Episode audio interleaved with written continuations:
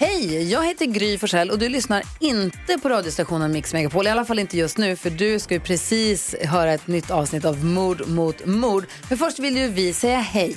Hej, hej, det här är NyhetsJonas. Det här är Carolina Widerström. Och här är gullige dansken. Ja, och så Gry då. Och det vi vill säga att när du har lyssnat klart på den här podden, då får du gärna lyssna på våran. Vi spelar in ett nytt avsnitt varje morgon av våra podd Kvartsamtal. Och hela radioprogrammet blir ju också en podd om man är väldigt morgontrött eller så. Just det, om man missar morgonen ja. Men mest av allt så får du gärna lyssna på programmet i direktsändning varje morgon på Mix Megapol. Live varje morgon från klockan sex och då har vi med oss massor med vänner också. Thomas Bodström, Babben Larsson, Johan Pettersson, Christian Luuk. Massor med coola människor som bara dyker upp och gör livet bättre. Ja, som jag, gullige dansken. Exakt så. Och så mycket bra musik och annat skoj såklart. Så vi hörs när du vaknar på Mix Megapol. Podplay. Men det som verkligen gör att polisen vänder blickarna mot Thomas är då när en amerikansk journalist kommer på besök till Lambeth och Thomas erbjuder sig att ta med honom runt på en guidad tur och berätta lite mer om platserna för morden. Han är en klassisk sånt, sån fruktansvärd person som vi hör om ibland i den här podden. Som inte bara så här, gör de fruktansvärda sakerna utan också typ har ett behov av att skryta om det. Nej, jag kan inte låta bli. Liksom. Det är helt Han kan verkligen galet. inte låta bli.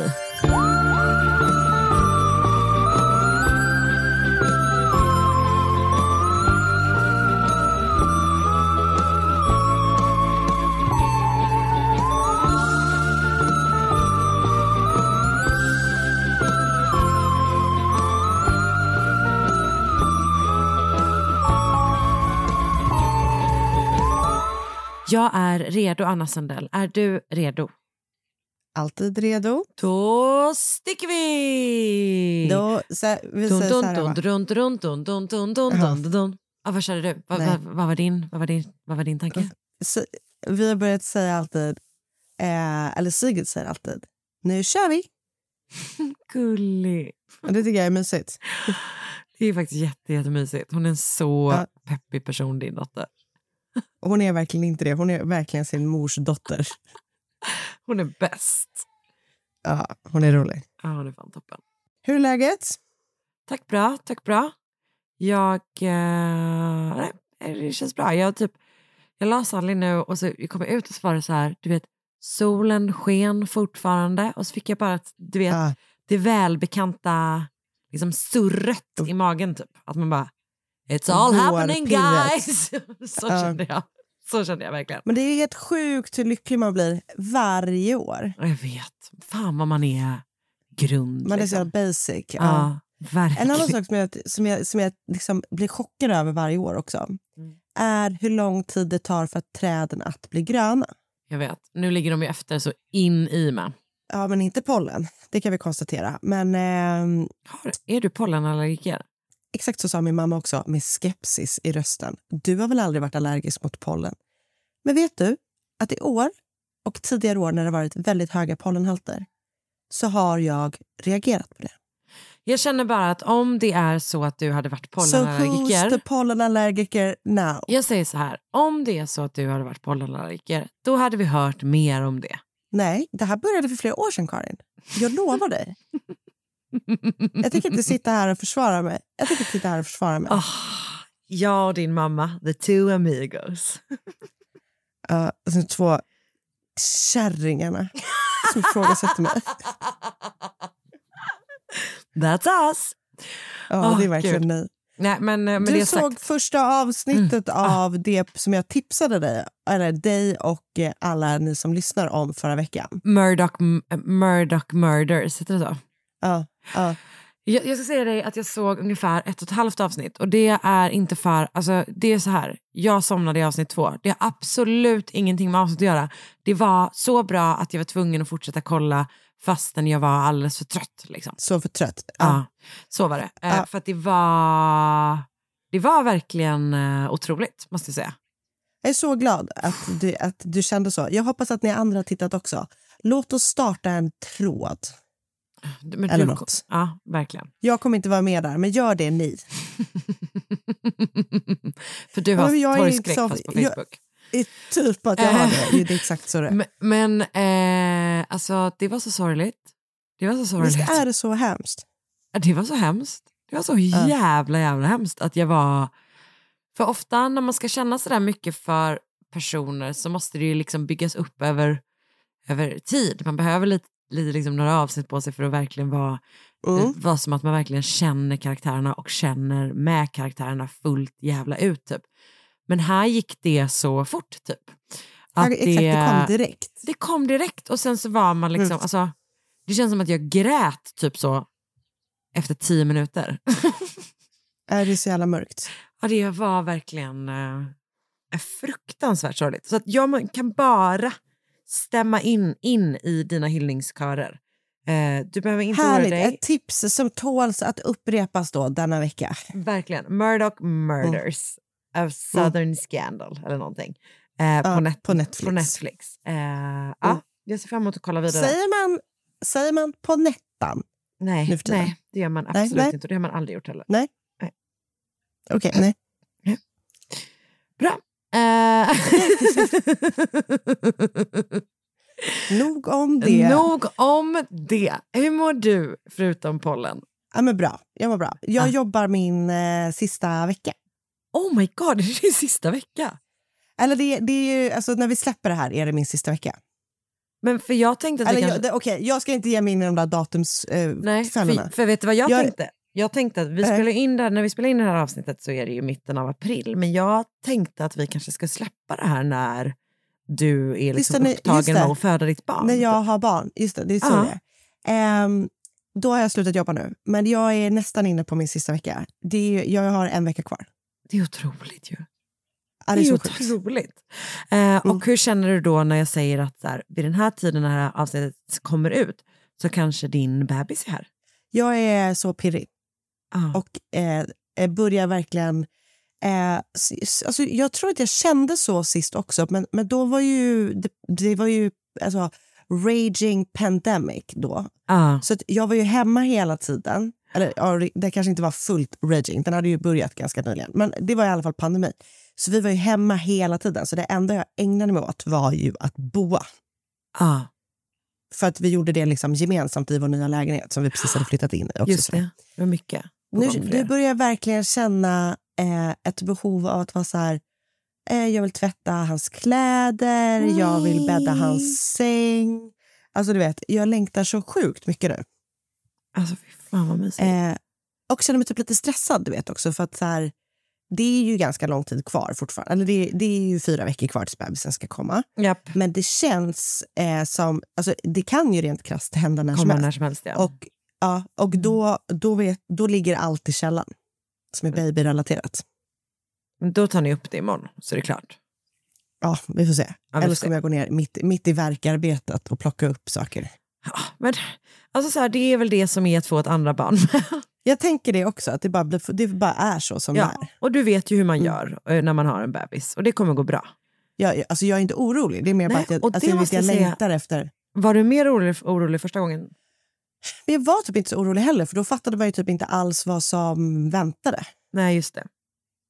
Nej, såklart. Eh, så, så jag, och det är väl det här som alla säger, att i slutet är man så sjukt trött på att vara gravid. Så det är typ som att man Det är bara, lika bra.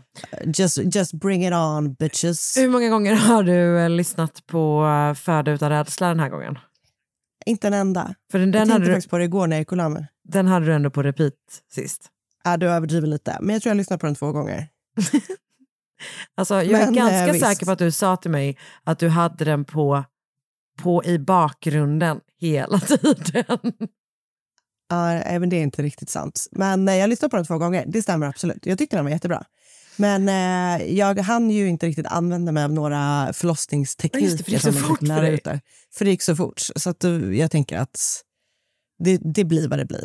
Jag, jag, hann, jag, tänker hann ju jag- typ inte jag- heller göra det. Eh, inte för att det gick så fort, utan för att jag typ aldrig hade en... Alltså jag hade ju inget liksom sånt verkarbete på något Nej, sätt. just. Typ. Eh, så jag hann liksom inte heller... Man är ju nyfiken va? Se hur... Hur bra det funkar. Det jag minns Tung. är- Det jag minns från boken är att de pratade om något par som gick på lägenhetsvisningar under verkarna. Och då tänkte jag bara, poor those people. Alltså. Vad Var det, var det att gå en, runt och en bra grej eller en dålig grej? Ja, men liksom, ja, men det, det var liksom som så här, tips på tidsfördriv, typ. Men jag vet inte. Alltså, panik. alltså, tänk att gå på en och någon bara... Hade man blivit mer eller mindre Ja. sugen på lägenheten? Man hade blivit mindre sugen. Jag, I vår förra lägenhet, det här var ju väldigt speciellt, när jag var höggravid, Ja. så kom eh, den förra, förra ägaren dit. Och, eh, för hon skulle hämta post eller någonting sånt. Och då berättade hon var hon hade tagit verkar i lägenheten. Det var en liten rundtur. Alltså det blev typ som det. Och jag tyckte det kändes... Liksom, intimt. det var ju där jag skulle få verkar, inte typ att jag skulle tänka på att hon tog en verk mot vår halldörr. Men du kanske kunde känna typ så här, alltså, att du var en del av du vet, den här liksom, den eviga kvinnligheten. Men jag vill inte känna sånt samband med någon som vi har köpt en lägenhet av. Alltså, vi, är, vi är färdiga med vår relation. Er transaktion är klar och nu räcker det. Alltså verkligen. Nu Men- går vi men- vidare. Men tänkte du på henne då när du tog? Nej, det gick ju så fort som sagt, jag hann inte just tänka det, på det det. roliga var att, det som hände var att när vi, vi, eh, vi tog en taxi ut till BB, då ställde Oskar, Oskar tog sig så tid att lyfta ut en stol Just till mig på det. gatan. Det var, det var ju helt sjukt prioriterat. För typ att jag bara, ta bara våra grejer. Alltså du vet, det måste ju varit sån stressgrej att han var så här, Jag här, så jag att tycker det var gulligt. Alltså, det var helt idiotiskt. Men det var Det är jävla gulligt. kul. Ja, det är jättegulligt. Men det är så jävla så kul. för det är jävla så typiskt sån stressad manlig sak att göra. Alltså jag, har, jag har en kompis som eh, vars kille ställde sig och stekte bacon när hon eh, tog verkar. Eh, för att han bara, men den kommer bli dålig. Så vill han inte let the bacon go to waste. Alltså så prioriteringar, verkligen. Men, men det är väl någon känsla av att så här, nu måste jag göra nytta i en situation där det så uppenbart handlar om en annan människa. Liksom. Och så gör man Jag jättekonstiga saker då. Så att man bara, Ja. här står jag och gör nytta medan man typ steker Verkligen. bacon. Ah, fan vad roligt. Ah, Eh, ja, nej, men nog om det. Hur mår du? Mår du bra innan vi kickar igång den jag här mår bra. podden? Nu kickar vi igång den här Ja. podden. Ah, ah, okej, okej. Ett poddtips från Podplay. I fallen jag aldrig glömmer djupdyker Hasse Aro i arbetet bakom några av Sveriges mest uppseendeväckande brottsutredningar. Går vi in med hemlig telefonavlyssning och, och då upplever vi att vi får en total förändring av hans beteende. Vad är det som händer nu? Vem är det som läcker? Och så säger han att jag är kriminell, jag har varit kriminell i hela mitt liv men att mörda ett barn, där går min gräns. Nya säsongen av Fallen jag aldrig glömmer på Podplay.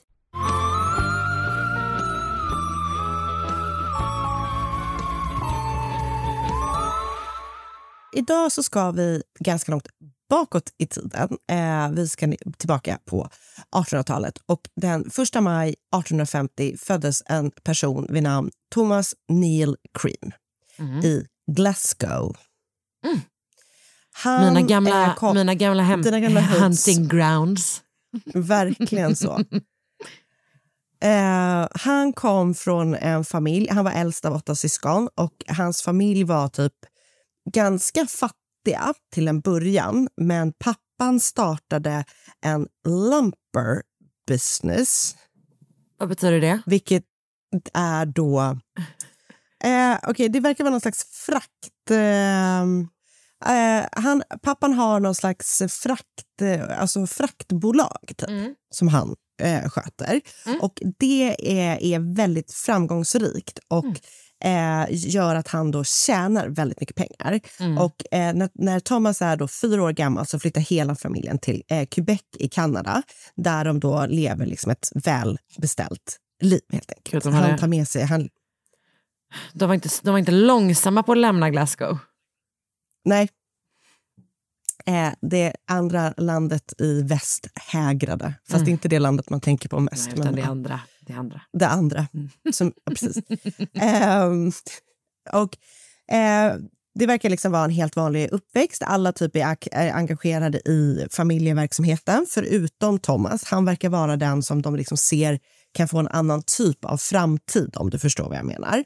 Så att pappan eh, liksom, han, han är besparad att göra typ så eh, labor work. Typ. Och, Eh, istället så eh, betalar pappan för eh, Thomas utbildning. Han är duktig i skolan liksom redan från början och han fortsätter vara det. Så pappan be- betalar då för att Thomas ska läsa till läkare på McGills University i Montreal. Mm. Så han flyttar dit och börjar plugga medan de andra då fortsätter med familjeverksamheten. Och han är lite så peacocking student där. Han tydligen, du vet, han har ett så här bidrag från sin pappa och de pengarna lägger han på så helt absurda saker som typ eh, att han har en egen droska som kör honom runt Ah. universitetsområdet och sådana saker. Jag gillar det. Eh, ja, eller hur? Det har någonting. Eh, och han tar sin examen från det här universitetet och eh, för sitt examensarbete så han, han typ ägnar sig väldigt mycket på grenen som verkar vara liksom, eh, farmaka eh, inom läkarutbildningen. Eh, så att han eh, specialiserar sig när han gör sitt examensarbete på kloroform som ju användes på, som bedövnings och sömnmedel på 1800-talet. Liksom.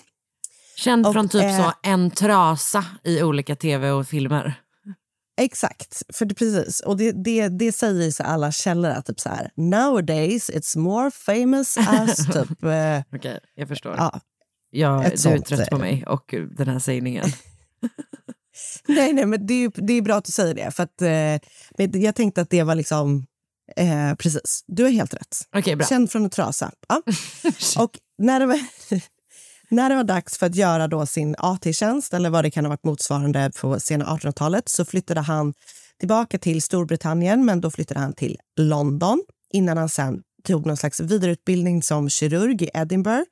Och eh, sen åter han, återvände han igen då tillbaka till eh, Kanada och till Quebec igen för att liksom börja praktisera som läkare. Så han var lite så här back and forth under sin utbildning helt enkelt. Men landar igen i Kanada. Och väl tillbaka i Kanada då, så är det inte bara fokus på jobb om man säger så, för han är också väldigt förtjust i tjejer. Mhm. Och en av de här tjejerna som han då börjar träffa när han har kommit tillbaka till Quebec är en kvinna vid namn Flora Brooks. Hon kommer från en så bra bakgrund. Hennes pappa ägde ett hotell och de- de verkar liksom vara rika helt enkelt. Och eh, Thomas är väl inte helt främmande för pengar så att han tycker väl att det känns lite kul att typ uppvakta den här rikemansdottern. Typ. Men för att vara utbildad läkare så känns det som att Thomas har otroligt dålig koll på vad som kan hända om man har oskyddat sex med varandra. För efter ett kort tag så blir Flora med barn. Och det här är ju inte enligt plan säkerligen för någon av dem, eh, men nog minst för Thomas för att han då övertalar Flora att eh, han ska få genomföra en abort på henne. Nej, Eh, det är mm, inte sånt som man ska hålla i familjen tror jag. Åh, Nej, det, här och, kommer, det här kommer inte bli bra. Åh. Och det är ju olagligt med aborter eh, vid den här tidpunkten. Och ehm, Aborter är, det, Jag- vilket innebär helt enkelt att aborter är extremt osäkra. Som vanligt inte att folk så. inte gör dem. Exakt så. Mm. Eh, för han gör då det här och även om hon liksom överlever den eh, så är det liksom hon, hon blir skadad av aborten helt enkelt. Hon, eh, det, det liksom, hon får men av den. Och när Floras föräldrar förstår vad som har hänt så kräver de att Thomas ska ta hand om deras dotter. Så de kräver då att han ska gifta sig med henne. Och det handlar väl dels om att han typ har skadat henne i aborten men också då det här hemska gammeldags att han typ har gjort, liksom tagit bort eh, det ärofyllda från deras dotter. typ. Så nu måste han make an honest woman out of her. Typ. Alla suger. Alla suger verkligen. Eh, så är det. Så de gifter sig då. Eh, men för Thomas så betyder det här helt enkelt ingenting. För att dagen efter de har gift sig så lämnar han henne och drar till London i Ontario. Mm. Eh, och även där då så har han eh, mycket kvinnor omkring sig. Och efter att ha varit där ett tag så startar han då en egen mottagning, en egen klinik och det börjar då hända saker runt omkring honom. För utöver att driva sin egna läkarklinik så gör han då också olagliga aborter. Just det, för det gick så bra Eh. första gången han testade på det där. Exakt.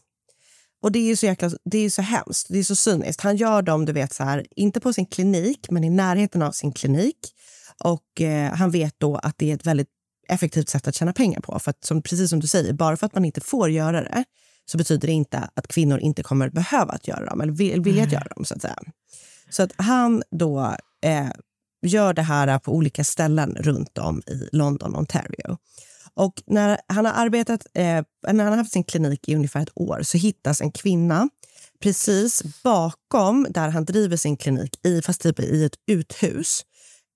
Hon är död. Hon heter Kate Gardner och hon var gravid när hon hittades. Och Det ser ut som att hon har blivit mördad med en näsduk som var dränkt i kloroform. Eller det ser ut, säger jag, ska säga, det luktar. Hon luktar kloroform. Ah. Så att polisen är typ så här... äh, Okej, vad är det här? typ? Du vet, man hittar inga fysiska bevis, men man är typ så här... Det här är ett suspekt dödsfall, tycker Ah. man. Och givet att hon hittas precis bakom Thomas klinik så ställer man frågan till honom om han vet vad som har hänt. Det, visas, det går också rykten om att han och Kate har haft en relation med varandra. Eh, vilket då såklart bidrar till intresset, polisens intresse för Thomas. Han säger såklart att han inte har någonting med saken att göra men han berättar att hon har sökt hjälp hos honom för att få en abort. Han har såklart sagt nej eftersom det är olagligt men han berättar också då att hon har hotat honom att om inte, hon, eller om inte han hjälper henne med en abort så har hon hotat eh, med att hon ska eh, begå självmord. Okej. Han berättar också att hon har lämnat ett brev med honom där hon berättar vem pappan var. Det här brevet då, som eh, Thomas säger att Kate har skrivit visas upp för då, eh, hennes vänner och familj. Och eh, de bara, det är inte hon som har skrivit det. Nej. Och den här personen som pekas ut som hennes pappa, antingen så finns inte han eller så nekar han att han ens typ känner henne. Liksom. Så att, du vet, det är Också så här. eh, var normalt beteende och vara så här, eh, hej, typ, du måste göra en abort.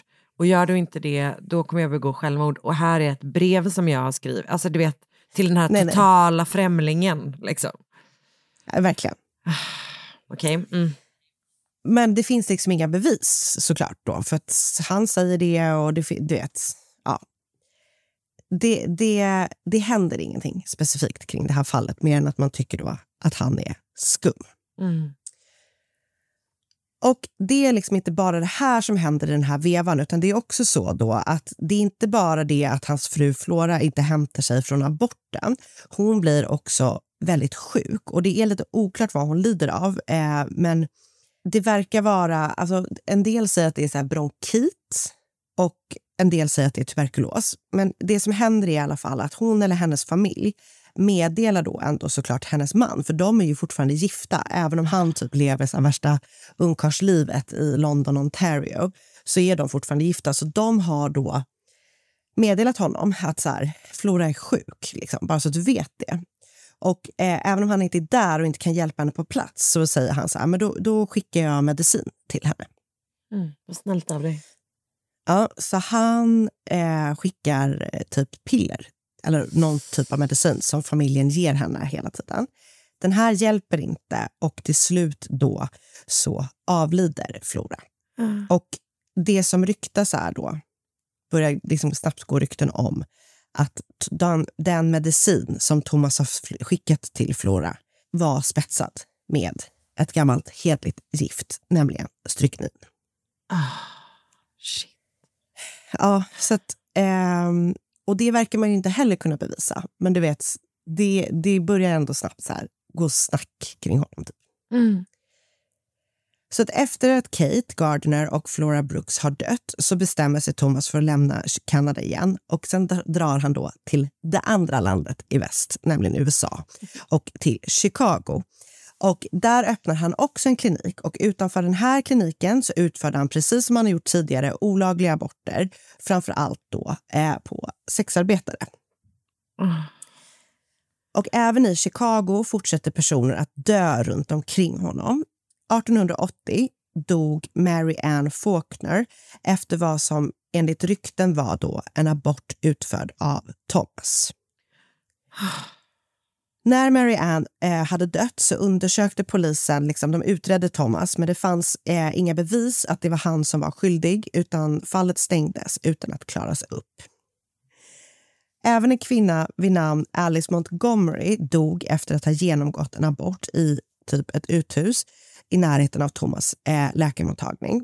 Det var inte aborten som verkar dödat henne utan det var då det faktum att hon dog. Alltså hon, man kommer fram till att så här, okay, hon har genomgått en abort för man kan väl se att hon är skadad. Mm. Men det som troligtvis har dödat henne är egentligen en så kallad då strykninförgiftning. Okej. Ah, f- f- förlåt, men det kanske du inte vet. Men används liksom stryknin för något annat? Alltså har det typ en läkemedel? Alltså, Nej, jag tror inte det. För Det verkar Nej. verkligen bara vara ett vidrigt gift när det beskrivs vad som händer. För typ, ah, Man får så här anfall typ, man, och man kan typ inte stänga ögonen. Alltså, personen som får giftet, det verkar vara ett fruktansvärt sätt att dö på. Verkligen. För att man typ är medveten hela tiden, men kroppen typ stänger ner. ah. Så det verkar verkligen vara ett fruktansvärt gift. Men Ah. som jag, jag vet inte om det används som läkemedel, för det gjorde ju kloroform då. Men står- jag, jag tror inte... Det har, alltså i små doser så verkar det stimulerande på nervsystemet och har därför använts vissa läk läkemedel.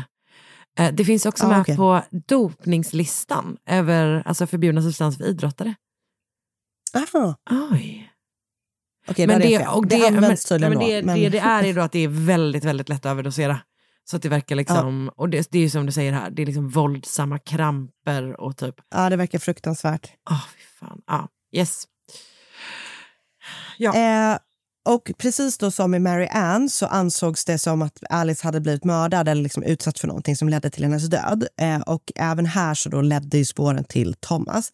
Men eh, det gick inte heller i fallet med Alice Montgomerys död att bevisa att han hade gjort det eller att någon annan liksom hade gjort det. Så att det, båda de här fallen liksom lades ner utan att det Ah. kommit till eh, någon uppklarning.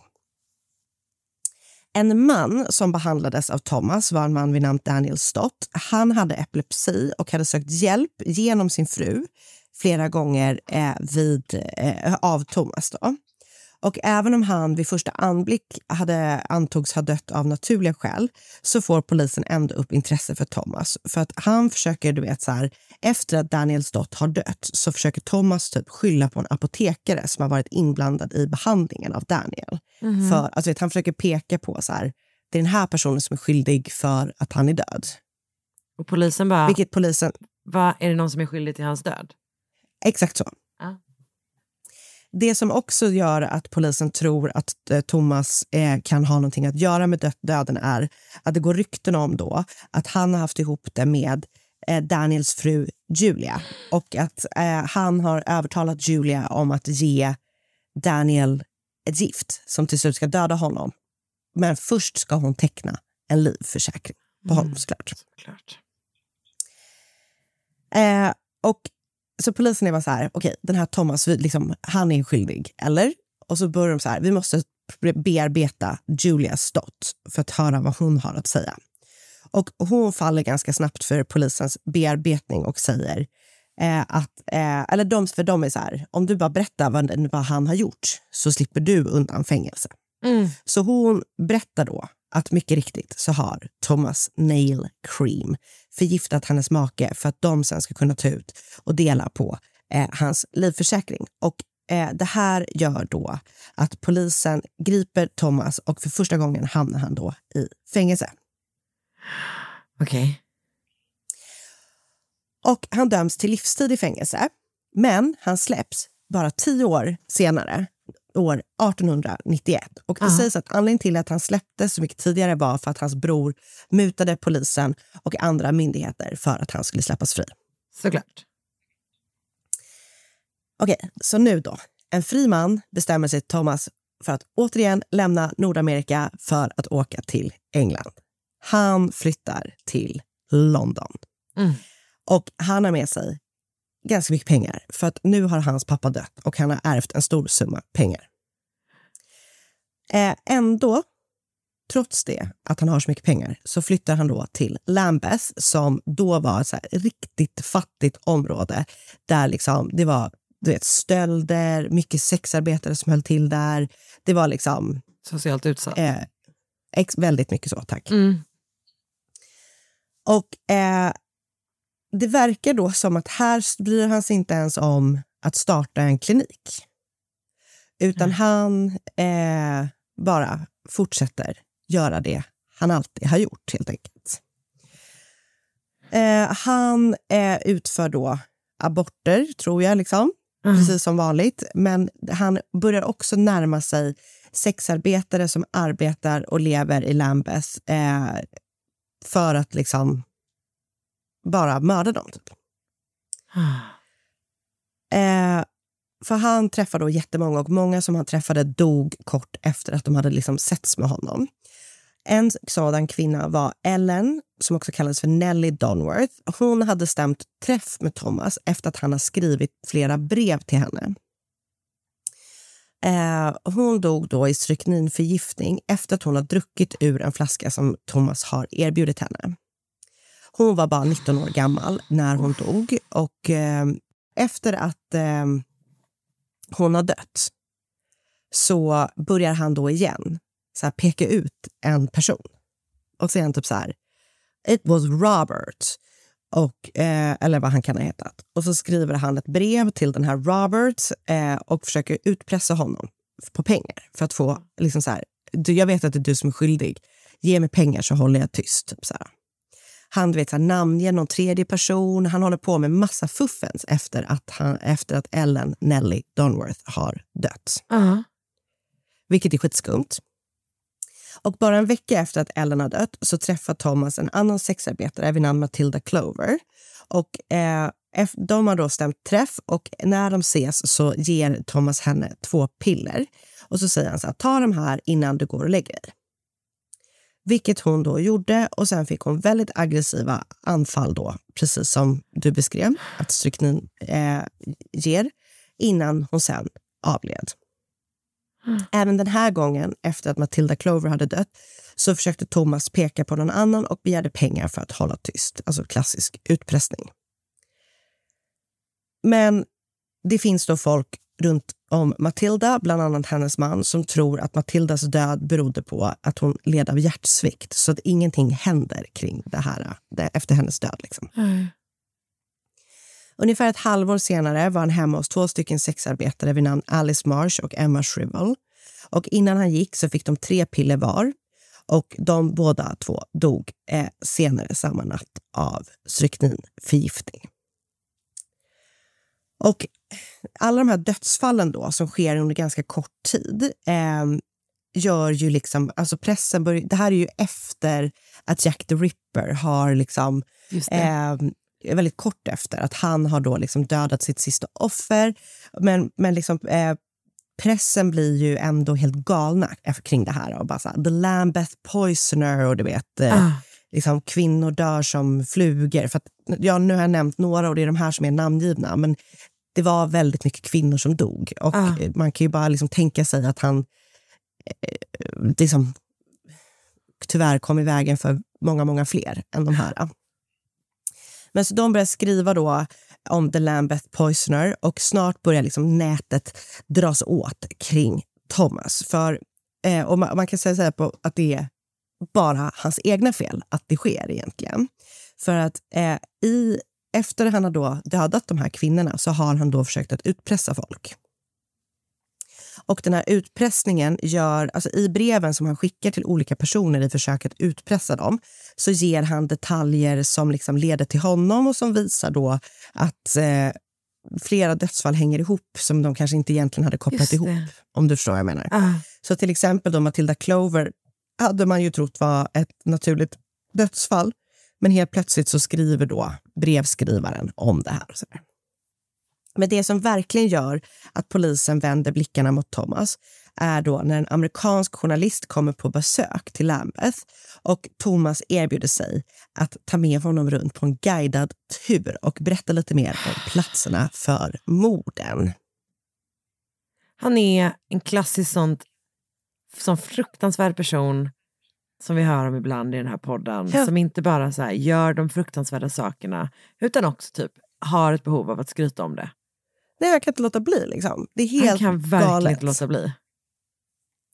Och det här då, liksom, av någon anledning då, så får den här eh, brittisk polis liksom höra om det. Och de är ju bara så här, ja, ja, men nu är det ju dags att eh, vi plockar in den här eh, Mm. Thomas. Eller de börjar bevaka honom snarare och utreda honom. Och de upptäcker då att han ofta går till sexarbetare och de, liksom, att det är skumt kring honom. Och de upptäcker då också att redan innan han kom till London så dog folk runt omkring honom under väldigt misstänksamma omständigheter. Ah. Så till slut då, eh, den 3 juni 1892, eh, drygt tio år efter han har släppts ur fängelse första gången, eh, så grips han då igen. Eh, och först grips han och åtalas för mordet på Matilda Clover som ju polisen trodde var då naturlig död egentligen. Och sedan någon månad senare igen så åtalas han också då för morden på Ellen Donworth, Emma Shrivel och Alice Marsh. Han åtalas också för mordförsök på en kvinna vid namn Louise Harvey för att henne har han gett piller. Men hon har inte tagit dem utan hon har typ så här, vet, låtsats svalt dem. Eh, och för att hon kände på sig att någonting var skumt. Fel liksom. Ah, shit. Ja. så hon kan ju vittna mot honom. Vilket är ganska spännande. Mm. Och han åtalas då också för de här utpressningsförsöken som han har gjort då efter alla, eh, inte alla mord, men flera av morden som han har begått. Och varför han då ska ha dödat alla de här personerna är oklart eftersom han själv, sällan var med för att liksom faktiskt uppleva själva dödsstunden, eh, vad man ska säga. Så man tänker sig att det är typ en kombination av att han vet, alltså att, att maktkänslan, att han vet vad som kommer hända. Att han har sån makt att han inte ens behöver vara där, typ, för att folk... Skitläskigt. Och att man tror då också att han inser att så här, jag kan få pengar på det här sättet. Eh, så det är vad man tror, men han har inte liksom själv berättat eh, varför han gjorde det sådär. Nej. Och precis som du säger så är han en sån person som eh, eh, vi, vi hör om ofta i den här podden, alltså en riktig tönt. För han gör sig själv du vet, så här mycket finare än vad han är i rättegången. Han ska bli, du vet, så här, kalla sig för Dr. Thomas Neal. Och du vet, han du vet, så gör sig själv som en väldigt eh, tjusig person. Men han har Han- uppblåst självbild helt enkelt. Alltså han är Så bara mycket. helt jävla vanlig vidrig narcissist. Liksom. Ja, ja, så mycket. I rätten så läser han också upp ett brev som han menar är skrivet av ingen mindre än Jack the Ripper. Där Jack the Ripper säger att Thomas är oskyldig. Just det. Ja, men. Men, väldigt, ja, men det är väldigt härligt för att alla i rätten typ bara skrattar åt det här brevet, vilket känns som en väldigt rimlig reaktion. Han själv verkar typ inte riktigt ens ta brevet på så stort allvar. så för fan Ja, det är så pågår. Och när rättegången är väl är över så tar det bara juryn då 12 minuter att komma fram till en dom och de kommer då alla överens om att Thomas ska dömas till döden. Ungefär en månad efter att han dömts till döden så hängdes han på Newgate Prison. Och mannen som då var ansvarig för Thomas avrättning berättade att hans sista ord var I am Jack the... Dot, dot, dot. Vilket då skulle indikera att han erkände att han var Jack the Ripper. Och det finns ju hur många som helst, alltså dels så finns det ju hur många som helst som, har misstänkt, alltså som man har misstänkt har varit honom. Han är en av de personerna. Ja. Men ehm, det, det, och det, det är många som har varit typ så här, äh, argumenterat för att han kan vara det och argumenterat mot det. Det verkar snarare som att det var den här mannen som var ansvarig för avrättningen, typ att han ville ha den fjädern i hatten. Du vet, att det var han Just som det. avrättade Jack the Ripper. Alltså. Jag blir galen. Och du vet så här, även om då han var en jävlig seriemördare så är det typ inte ens möjligt att han var Jack the Ripper eftersom han satt i fängelse I, under typ alla de USA. år som han var i USA. Ja. Eh, eller om det var, ja, det var i USA. Ehm, under de här åren som han var aktiv. Och enligt en person då som har skrivit väldigt mycket om Thomas Neil Cream så skulle det kunna istället ha varit att han sa I am ejaculating. Eh, och det skulle kunna tolkas som I am Jack.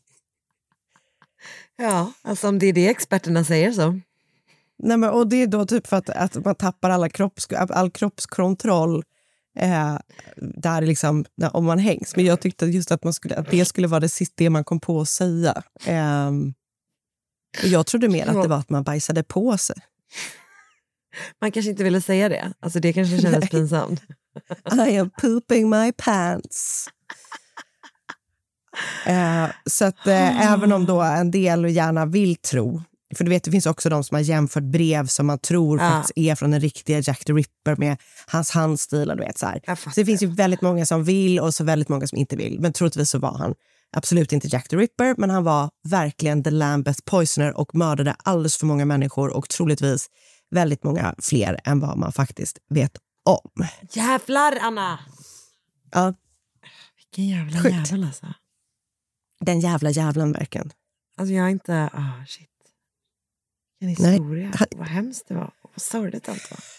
Jättehemskt. Ah. Och igen då att kvinnor... Eh, ja, det är så Nej, hemskt att bli ut, man blir så utsatt. Jag vet. Och så just den här dubbelutsattheten som innebär då att typ vara en gravid kvinna när abort är olagligt och dessutom vara en gravid sexarbetande kvinna.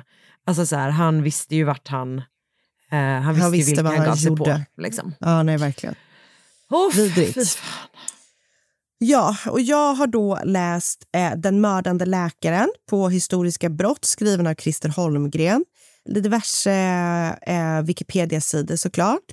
The Evil Deeds of eh, Dr. Thomas Neil Cream eh, på canadahistory.ca av Jill Foran. Och sen så har jag lyssnat på podden All Killer No Filler, eh, filler avsnitt 99, part 1 och 2 så har jag också lyssnat på podcasten som heter eh, Serial Killing. Eh, avsnittet heter Dr. Thomas Neil Cream, The Lambeth Poisoner. Och sen så har jag varit inne på Murderpedia för första gången på väldigt länge. Mm. Och även läst Thomas Neil Cream. Eh, ska se, The Victorian Doctor Who Killed His Patients av Genevieve Carlton på eh, All That's Interesting. Uff, det där var... Vilken jävla ride. Eller hur? Ett poddtips från Podplay. I fallen jag aldrig glömmer djupdyker Hasse Aro i arbetet bakom några av Sveriges mest uppseendeväckande brottsutredningar går vi in med hemlig telefonavlyssning och, och då upplever vi att vi får en total förändring av hans beteende. Vad är det som händer nu? Vem är det som läcker? Och så säger han att jag är kriminell, jag har varit kriminell i hela mitt liv men att mörda ett barn, där går min gräns. Nya säsongen av Fallen jag aldrig glömmer på Podplay.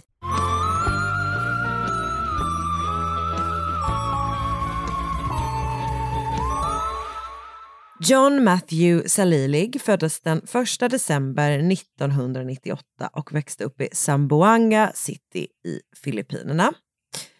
Eh, hans pappa Joffrey, kallad Jip i vissa källor, och hans mamma Maripi fick åtta barn. John Matthew, kallad Matt Matt, var den yngsta och enligt många familjemedlemmar också den smartaste. Men, så han var liksom, så bra i skolan, men han var samtidigt också utåtriktad och en liksom så bubblig person som hade lätt att få vänner. Han hade stora förhoppningar och förväntningar på livet. Han ville arbeta med olja för att förbättra Filippinas tillgång till bra drivmedel, typ. Och för att åstadkomma det bestämde han sig för att bli ingenjör och lämna sin hemstad för att flytta till Manila och läsa Chemical Engineering på Adamson University. Eh, där gick, eller hade åtminstone gått, eller hade, hade åtminstone två av hans bröder gått innan honom. John, Michael och John Martin. Och när det blev dock dags för John Matthew att välja fraternity eller sån, alltså finns det ett annat namn på, på svenska än studentförening för fraternity? Jag tror inte det. Nej, eller hur? Uh, ja, men han skulle välja studentförening och då blev uh, valet förstås samma gäng som hans bröder tillhört. Tau Gamma Phi. För i Filippinerna så är det här liksom amerikanska Greek-systemet väldigt utbrett. Um, och eh, det kom dit under, eller typ kort efter, att eh, Filippinerna då var en amerikansk koloni. Och det är liksom superetablerat där. Eh, det finns jättemånga sådana delta, gamma, phi, bla bla bla föreningar typ. Och precis som jag tänker att det ändå är i USA så är de alltså väldigt typ viktiga för att så få bra kontakter. Eh, du går i, på universitetet för att, eh, för att plugga men också för att typ knyta kontakter för, att, rest- för resten av ditt, eh, ditt eh, arbetsliv. Och de här studentföreningarna typ hjälper dig att klättra Yeah i rank Just snabbt. Liksom. Mm. Ehm, så att du kan liksom så här, rätt medlemskap i rätt förening kan liksom fast tracka dig till en karriär och ett liv som du inte har tillgång till annars. Och John Matthew valde alltså Tau Gamma Phi och ehm, det här gjorde liksom då att man fick bra ekonomiska och typ akademiska kontakter och liksom också stöd. Men också förstås något slags brödraskap får man väl tänka då. Mm. John Matthew Salilig hade varit ett par år på Adamson University redan och var också medlem i Tau Gamma Phi, eller han var åtminstone liksom nästan en fullgod medlem om du förstår. Han, det var som att han redan hade påbörjat sin process. Eh, han var inte riktigt klar typ.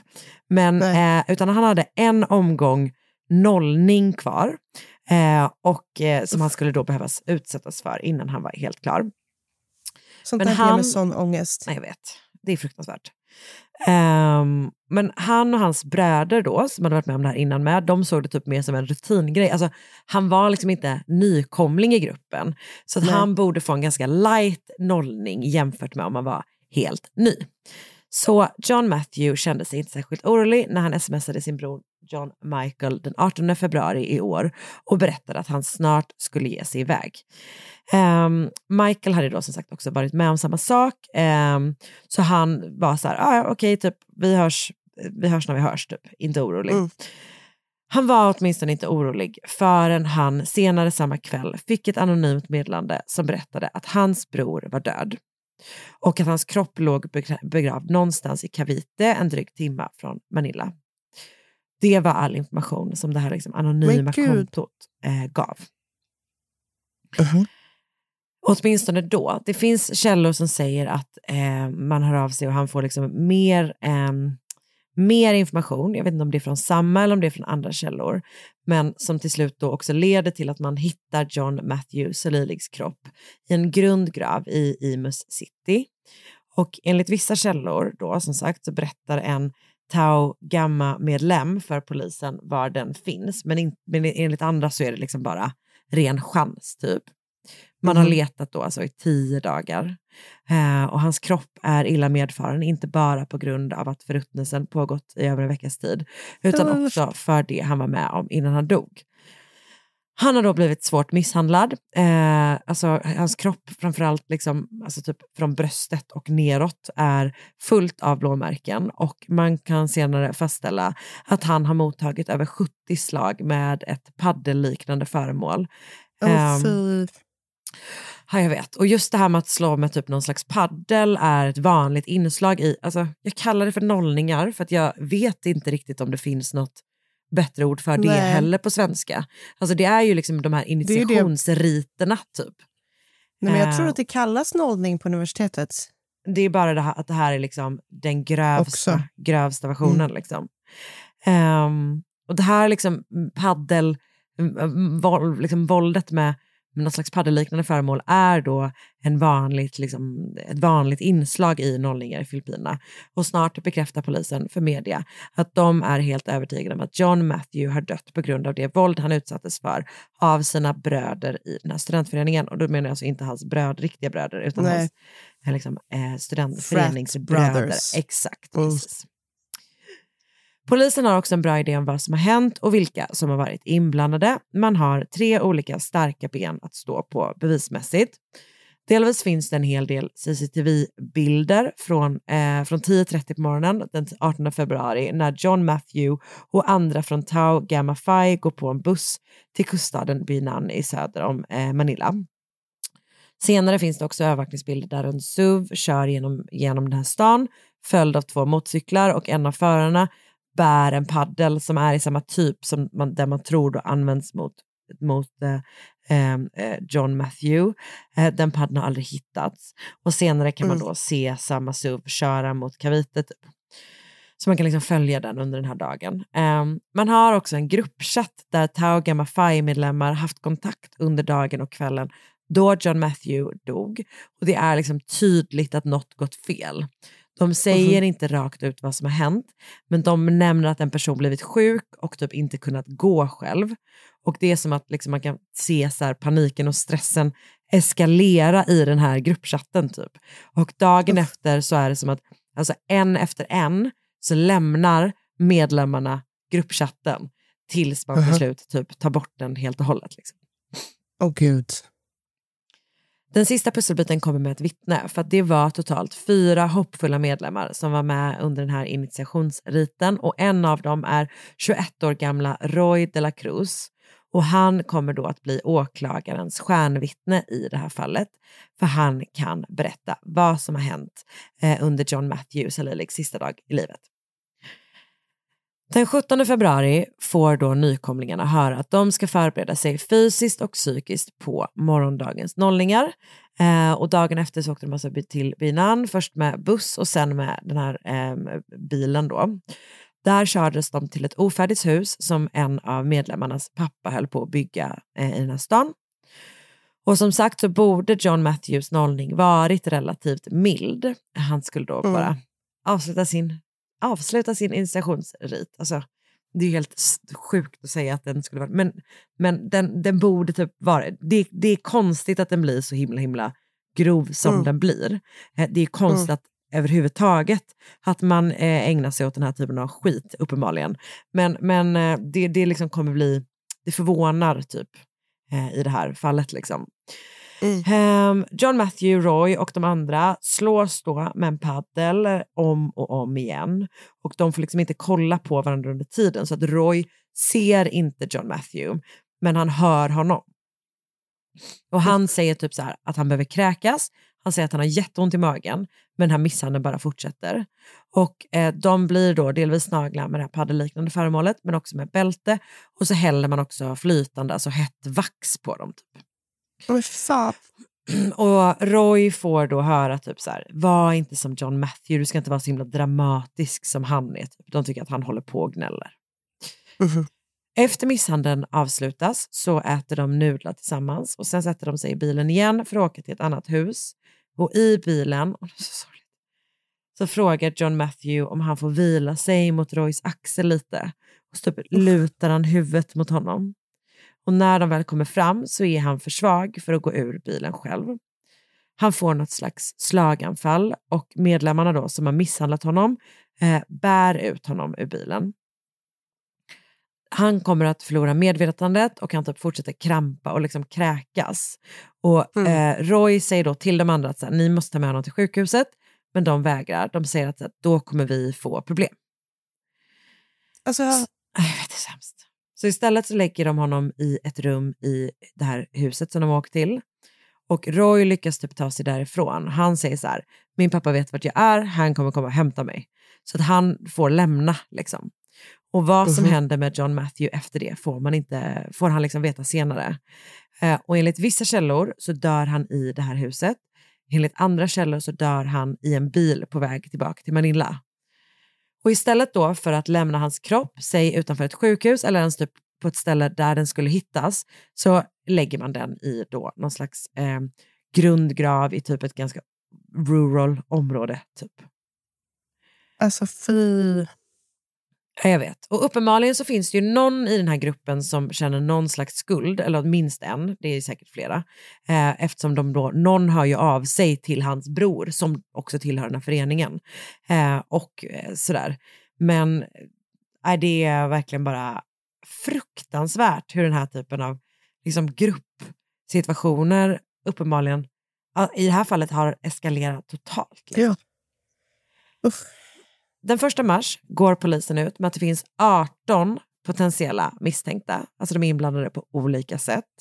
Mm. Senare samma dag inställer sig sex av dem, eh, de sex huvudmisstänkta, och poli- hos polisen och grips. Eh, en av de inblandade, en person som man tror har kört bilen, begår självmord den 3 mars. Mm. Och ehm, jag vet, det verkar som att det sitter sju personer häktade nu. Eh, Mm. De är inte dömda än och det varierar lite grann vad de heter. De är liksom namngivna i media men vad de heter varierar lite typ. Så att jag Mhm. tänker att jag inte, eh, de är också sjukt unga. Eh, så jag Mm. kommer liksom inte, eller inte alla är inte sjukt unga, men de är unga. Så jag kommer Mm. inte, inte eh, säga vad de heter för att det finns risk att typ säga fel helt enkelt. Men de åtalas i alla fall för brott mot den så kallade anti-hazing-lagen. Eh, och det är alltså en lag som finns i Filippinerna som berör alltså exakt den här typen av våld. Och den är då särskilt inriktad på, alltså den har, har gjort liksom särskilt olagligt, eller vad man ska säga, att använda sig av fysiskt våld under just initiationsriter i föreningar, särskilt Okej. studentföreningar. Och den finns då för att det här är långt ifrån första gången en person dör under en nollning i Filippinerna. Den här lagen kommer till efter att, en juridikstudent som heter Lenny Villa dog under föreningen Aquila Legis nollning 1991. 20 år senare så dömdes fem medlemmar i den studentföreningen för Lennys död, men inte då under den här anti-hazing-lagen eftersom den inte fanns på plats när han, när han mördades. Liksom. Eh, Mm. Utan här lagen kommer 1995. De enda som har dömts med hjälp av lagen är två Alpha Phi Omega-medlemmar som dömdes för eh, en kille som heter Marlin, eh, Marlon Villanuevas död. Och han studerade på University of Philippines Los Baños och dog under initiationsriterna där 2006. Fy.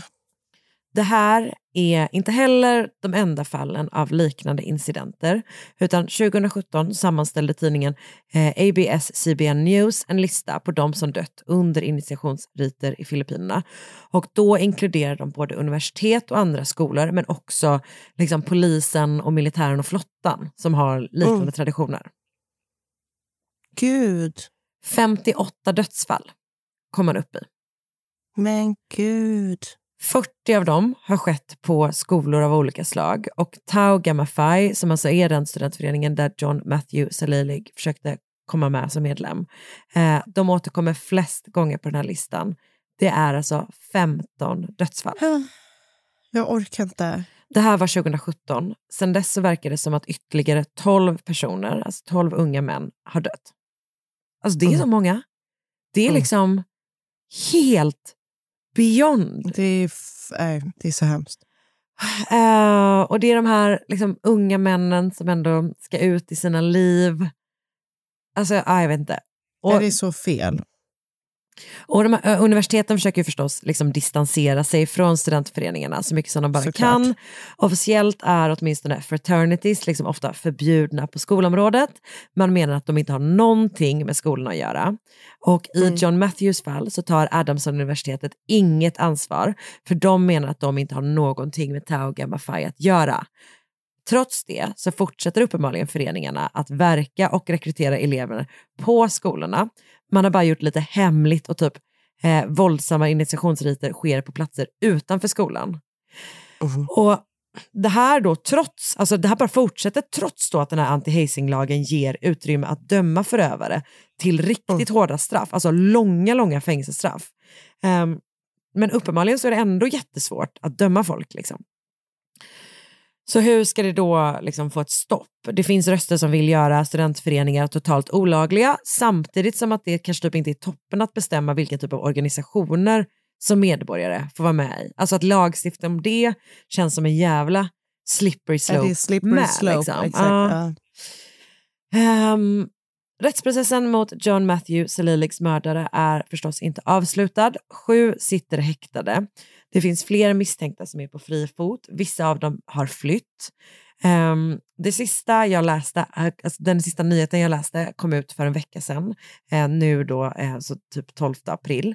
Ehm, Mm. Och då var det att de, de här sju åtalade har liksom eh, ställt sig, förklarat sig själva oskyldiga i rätten. Det är liksom där eh, rättsprocessen står. John Matthews pappa eh, hoppas att den stora uppmärksamheten som hans, död, eh, hans sons död fått ska innebära en förändring i landet till slut. Liksom. Han vill se fler domar och ytterligare skärpta straff och till GMA News sa Geoffrey Salilig vi hoppas att det inte blir några fler nollningsoffer. Vi vill att Matt ska bli det sista offret. Han är borta, men vi kommer fortsätta kämpa för rättvisa. Gud vad hemskt. Och som sagt, det här är liksom någon slags sån ut, eh, story som håller på och rullas ut allt eftersom och jag har läst massor av nyhetsartiklar om ämnet. De kommer från GMA News, CNN Philippines, från newspapers.ph, rappler.com, ABS-CBN. Jag läste en bra, ganska intressant opinionstext om den här liksom fraternity-kulturen i Filippinerna på Business World skriven av Luis V. eh, Teodoro. Och sen så har jag också läst massor av olika Wikipedia-sidor. Gud vad Eh, hemskt. hur alltså absurt. Att det liksom är Så så... sorgligt. För att jag var så här, ah, vad intressant att det finns en specifik lag som handlar om den här typen av våld. Det måste innebära att det finns, alltså att det är något, något återkommande typ. Men jag kunde inte liksom i min vildaste fantasi förstå hur många de var. Liksom. Nej. Och det har pågått alltså, länge och det bara fortsätter hända. Och sen emellanåt så kommer de här fallen upp där det faktiskt får stor uppmärksamhet. Det är inte som att man inte skriver om det, men det finns några nedslag, de här som jag nämnde, liksom, som har blivit jättestora och det verkar som att även mordet då på John Matthew Salilig blir väldigt stort. Liksom. Eh, Mm. och det enda man kan hoppas är väl att det, jag vet inte, just eftersom det redan finns en lag. Man tänker att så här, nu, nu lagstiftar vi om den här skiten och sen så, Ja. ah, Och så, så blir det... Aj, gud vad hemskt. ah, jag vet, det är fruktansvärt. Ehm, Usch. Det var det som jag hade att berätta, eh, detta fruktansvärt sorgliga, ehm, den här Väldigt veckan. sorgligt. Ehm, tack för att du lyssnade och tack för att ni lyssnade. Och, eh, Tack så mycket. eh, Anna, jag hoppas att det går bra med din, eh, med din bebis. Det hoppas verkligen jag också. Ehm, och eh, så hörs vi igen eh, nästa vecka. Precis. Det gör vi. Ha det bra. Hej då! Hej då! Podplay. Ett poddtips från Podplay.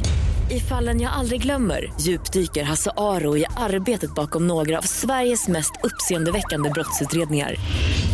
Går vi in med hemlig telefonavlyssning och, och då upplever vi att vi får en total förändring av hans beteende. Vad är det som händer nu? Vem är det som läcker? Och så säger han att jag är kriminell, jag har varit kriminell i hela mitt liv men att mörda ett barn, där går min gräns. Nya säsongen av Fallen jag aldrig glömmer på Podplay.